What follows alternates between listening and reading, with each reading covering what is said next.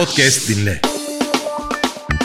Merhaba nasılsın? Bugünkü konuğum sanat hayatında gerçekleştirdiği organizasyonlar ve menajerlik çalışmalarıyla adını sıkça duyuran Uğur Yüksekdağ. Hoş geldin Uğur, nasılsın? Merhaba Dilhancım, iyiyim. Teşekkür ederim. Sen nasılsın? Hayırlı olsun yeni programın. Uğurlu geleceğime eminim. Şimdiden söyleyeyim. Son dönemde yıldızı parlayan pek çok isimle çalıştın. Hatta sohbet programları yaptın. Kimler var bu isimler arasında Uğur? Son dönemlerde yakın geçmişe bakarsak Alp Navruz'la e, bir başlangıç yapmıştık. Zaten kendi kanalımızdaydı o da. Oradan bir start vermiştik. Kahraman Deniz'le e, çalıştık. Çok güzel besteleri var kendisinin. Tavsiye ediyorum. Dinleyin. Program olarak da Otilya ile birlikte kendi sanatçımla beraber bir show programı yaptık. Otilya Uğur Show. Bu programda da konuk ettiğimiz isimlerden bazıları Zehra Gülüç, Mansur Ark, Gökçe Kırgız ve e, dünyaca ünlü bir model Kate Alexeyeva var. Program ile alakalı e, Mansur Ark'ı davet ettim. O kadar güzel bir karakter ki yani her ortama bir insan uyar mı? Yani az önceki söylediğim tabirlerin hiçbirine uymuyor. Yani aslında 5 parmağın 5'i de farklı biliyorsun. Herkes için aynı yorumu yapmamalıyız. Bunu da şu an tekrar fark ettim. Mansur abi e, çok iyi e, bir şekilde bizim programımızı da idare etti, geldi, yardımcı da oldu, tüyolar verdi. Kendisi zaten tecrübesinden faydalanmamızı istedi vesaire. Gayet güzel geçti yani. Şu anda da aktif olarak Otilya'nın Türkiye ve Kıbrıs menajerliğini ekskluzif olarak yürütüyorum dostum biliyorsun. Teşekkürler güzel cevaptı. Menajerlik kariyerin boyunca en baş belası durumun neydi? Yani başına gelen en böyle baş belası organizasyonu sormuyorum. Sadece hani olaylar bazında aklına gelen bir şey var mı? Benimle paylaşır mısın? Tabii ki paylaşırım. 2018 yılında Deniz ve Güneş sinema filmini çekerken Burgazada'da maalesef setin ortasına elinde böyle bira şişeleriyle kesici aletlerle dalan 3-4 kişilik bir grupla karşılaştık ve ortalık karıştı. İlk aklıma bu geldi açıkçası. Onun dışında Denizli'de bir konserde bir problem yaşadık. Yani jandarma güvenliğimiz ona rağmen eziliyorduk. Bir izdiham vardı bir konserdeydik. Eziliyorduk Otilya ile birlikte. Bunun hatta videoları da magazine de çıktı. İlk aklıma gelenler bunlar. Organizasyonlarda ilginç bir sanatçı isteği oldu mu abi? Yani e, nasıl anlatayım? Atıyorum hep böyle efsane anlatılır ya. Karavan isterim, işte şunu isterim, listeler verilir falan diye. İşte Mojitom şu derecede olsun gibi. Böyle bir şey yaşadın mı? Oo yaşamaz mıyım? Hem de her sektörün farklı dallarında. Birkaç tane örnek vereyim ben sana dostum. Birincisi Hadise'nin bir konserini yapıyoruz bir gün. Kulise yakın bir tuvalet yok. Böyle bir problem var. Tuvalet yaptırdık mesela. Bu organizasyonda ben de vardım çünkü. Tuvalet yaptırdık. Bu işin konser kısmı ile alakalı. Tabii ki konserin diğer mesela farklı isimlerde de işte bazı farklı sanatçı arkadaşlarımız olsun. İşte peçetem şu marka olsun. İşte içeceğim şu marka olsun. Dört tane bundan isterim vesaire bu tarz şeylerle çok karşılaşıyoruz. E, maalesef karşılaşıyoruz. Saygı duyuyorum ama karşılaşıyoruz. Bununla alakalı daha çok şikayetçi olanlar organizatörler yani beni çok fazla etkilemiyor ama organizatörleri biraz zorlayabiliyoruz bu konularda. Onlar bizim kadar alışık değil çünkü.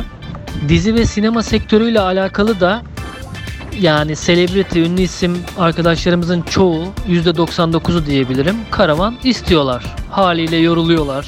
Peki cevaplar güzel. Ben de devam ediyorum. Sorular önümde notlarım var bir saniye. Yerli yıldızlarla da yabancı yıldız isimlerle de çalışıyorsun. Hala hazırda anlaşmalarım var biliyorum. Yurt dışında da mesela His var bildiğim kadarıyla Azeri şarkıcı. Ben de sıkı bir fanıyım kızcağızın. Şarkıcı His ile alakalı da zaten Azerbaycan'da çok popüler bir sanatçı.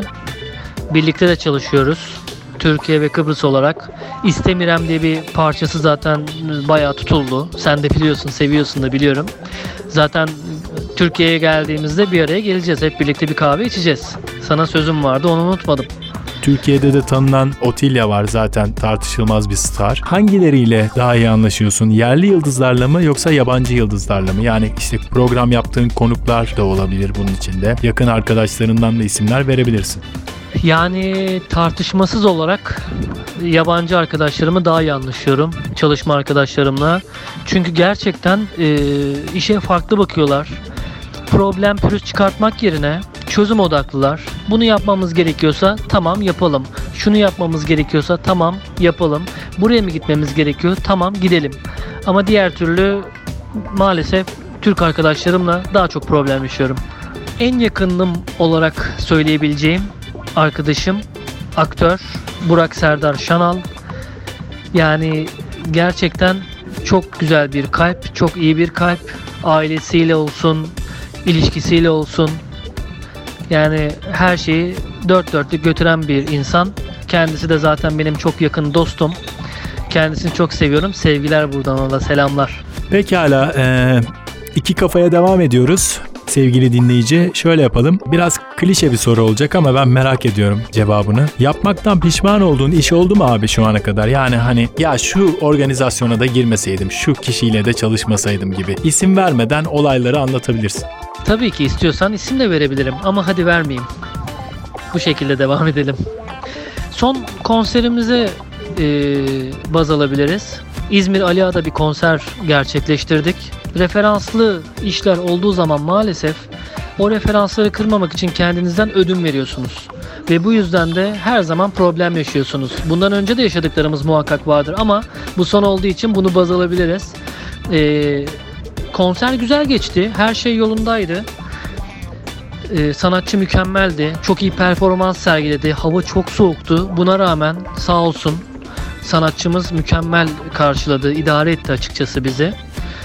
Fakat organizatörlerle ilgili amatörlüklerinden dolayı e, bayağı bir problemler yaşadık. O yüzden keşke yapmasaydım. Keşke referanslı iş almasaydım diyorum. Devam edelim. Daha çok sorun var da hatta 10-12 tane daha soru var ama çok uzun olmasın program. Millet kaçmasın sonra. Ee, şöyle yapayım. Genç yaşına rağmen benden gençsin diye biliyorum. Oldukça başarılı işlere imza attın. Mesleğe nasıl başladın? Yani hikaye nerede başladı? Hikaye aslında şöyle başladı. 14-15 yaşlarındaydım. Ee, bu sektörde bir şeyler yapmak ama e, marka bir şeyler yapmak istiyordum. Bu anlamda da kendimi geliştireceğime inanıyordum. Ve elimden geleni de yapmaya hala çalışıyorum. Hala daha istediğim yerde değilim. O kadar çok yolum var ki zaten e, bunu her seferinde de kendime hatırlatıyorum. E, askerde bile ben açıkçası e, konser veriyordum. Yani biraz şaşırtıcı olabilir. Kıbrıs'ta yaptım askerliğimi.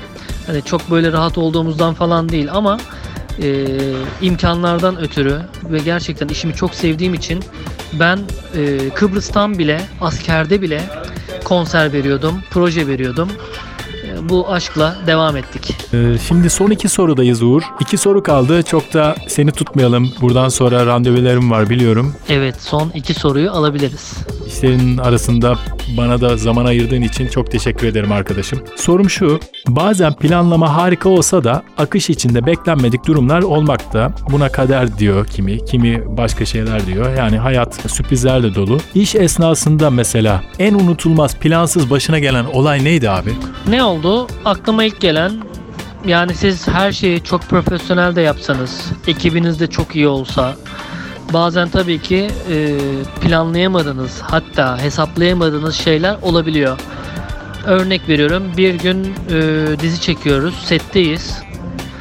E, elektrikler gitti. Bulunduğumuz mekanda, bir mekanda çekiyorduk. Elektrikler gitti. Tabii ki bizim önlemimiz var. Jeneratör.